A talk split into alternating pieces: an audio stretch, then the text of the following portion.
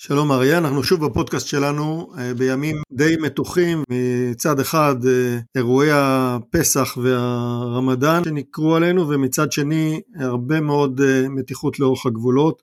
מה שנקרא מתיחות אה, רב זירתית, זה מונח חדש שהתרגלנו אליו לאחרונה. לאחרונה ראינו פרסומים שיוחסו לסגן אלוף במילואים מרדכי קידר, מוטי קידר, שנתן ניתוח של אה, איום פוטנציאלי אה, מצד איראן, בגרסה שהיא לא כל כך מסתנכרנת עם ההערכות שרווחות בתקשורת וכנראה גם בחוגים צבאיים. הוא מדבר על מאמץ איראני שרותם את הכוחות הסמוכים על שולחנה של איראן, הפרוקסים שלה, בלבנון. בלבנון, בסוריה, בעיראק, בתימן ובעזה, כדי לבצע תקיפה משולבת על ישראל, משהו דומה למה שחווינו בשומר חומות, אבל בהיקף הרבה יותר גדול. הוא מדבר על uh, תקיפות uh, באמצעות טילים וכלי טיס לא מאוישים, אולי משוטטים, נדבר על זה אחר כך. Uh, הוא מדבר על תקיפה מאזורים שונים, מטווחים שונים, בצורה שתכניס את מערכות ההגנה הישראליות לרוויה, ובצורה הזאת הארגונים האלה יוכלו לתקוף את ישראל בהיקף רחב, לגרום הרבה מאוד נזקים, ואולי אפילו לחדור לתוך שטח ישראל, לבצע פשיטות שיוציאו את המדינה מאיפוס למעשה, יביאו את ישראל למצב שתבקש הפסקת אש או תסכים להפסקת אש בתנאים הרבה הרבה פחות טובים ממה שהגענו אליהם בעבר. כן, התחזית של קידר שהוא מומחה כל הדעות, התחזית שלו מעוררת הרבה שאלות ותהיות וגם הרבה דאגה. אני גם שוחחתי איתו והוא מסביר את התיאוריה שלו ואומר שצריך לקחת את הדברים האלה בחשבון כי איראן פועלת מתוך מחשבה, כמו שאמרת, להשתמש ב proxies שלה. הוא מדבר על שני שלבים, שלב ראשון של התקפה קרקעית ואווירית עם תוספת של התקפת סייבר, פגיעה בבסיסי חיל האוויר באמצעות רקטות. הוא אומר שהם מסתמכים על כך שייקח לישראל לגייס את המילואים כמה ימים והם ינצלו את המרווח הזה כדי להשיג הישגים.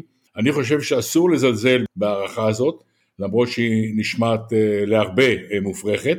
אה, אני מזכיר שגם כאשר האלוף במילואים בריק כתב את הביקורות שלו על צה"ל, התייחסו אליו בזלזול, ואחר כך התברר שברוב מכריע של הדברים הוא צדק בביקורות שלו. לכן הנטייה הישראלית לזלזל בביקורות או בהערכות כאלה היא מסוכנת בעיקר בתקופה כזו. לכן הייתי לוקח את האזהרה של קידר, הוא מונה גם את כל הכוחות שיש לאיראן בלבנון, בתימן, בסוריה, בעזה כמובן, מדובר בהרבה כוחות שיכולים בתיאום להפעיל אותם אה, באותו זמן.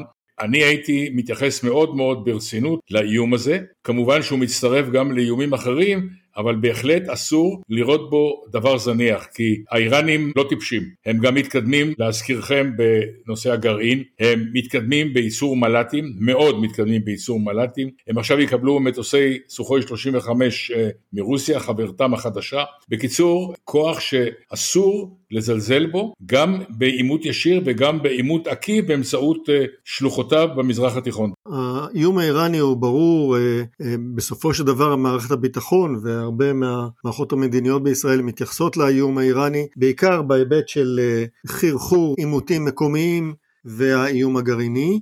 אבל האיראנים ידם בכל באזור שלנו. כדאי לציין שהם השתמשו בפרוקסים בצורה מאוד מוצלחת בשנים האחרונות של המאה הקודמת, תקופת שהותה של ישראל בלבנון. הפרוקסי האיראני הצליח אה, לגרש את ישראל מלבנון, בתימן הם הצליחו באמצעות הפרוקסי שלהם שם להתגבר על אה, כוחות מאוד רציניים שהסעודים והאמירתים השקיעו באזור, ניהלו מלחמה לאורך כל העשור הקודם, שהצליחה להעביר את מרבית הפעולות לשטח הסעודי, האמירתים נסוגו מהמעורבות במלחמה הזאת בצורה כוללת, והסעודים גם הצליחו לסיים אותה רק במשא ומתן, התקפלות מול האיראנים, כך שלאיראנים יש חוויה טובה של הפעלת פרוקסים, אין שום סיבה ש... יוציאו את ישראל מההתייחסות הזאת. אנחנו חייבים להסתכל על האיום הזה בצורה ריאליסטית ולא לפסול את זה רק בגלל שזה מראה על אה, כיוונים שהם פחות מקובלים על מערכת הביטחון הישראלית. עד כאן לנושא התחזית הקודרת של אה, מרדכי קידר.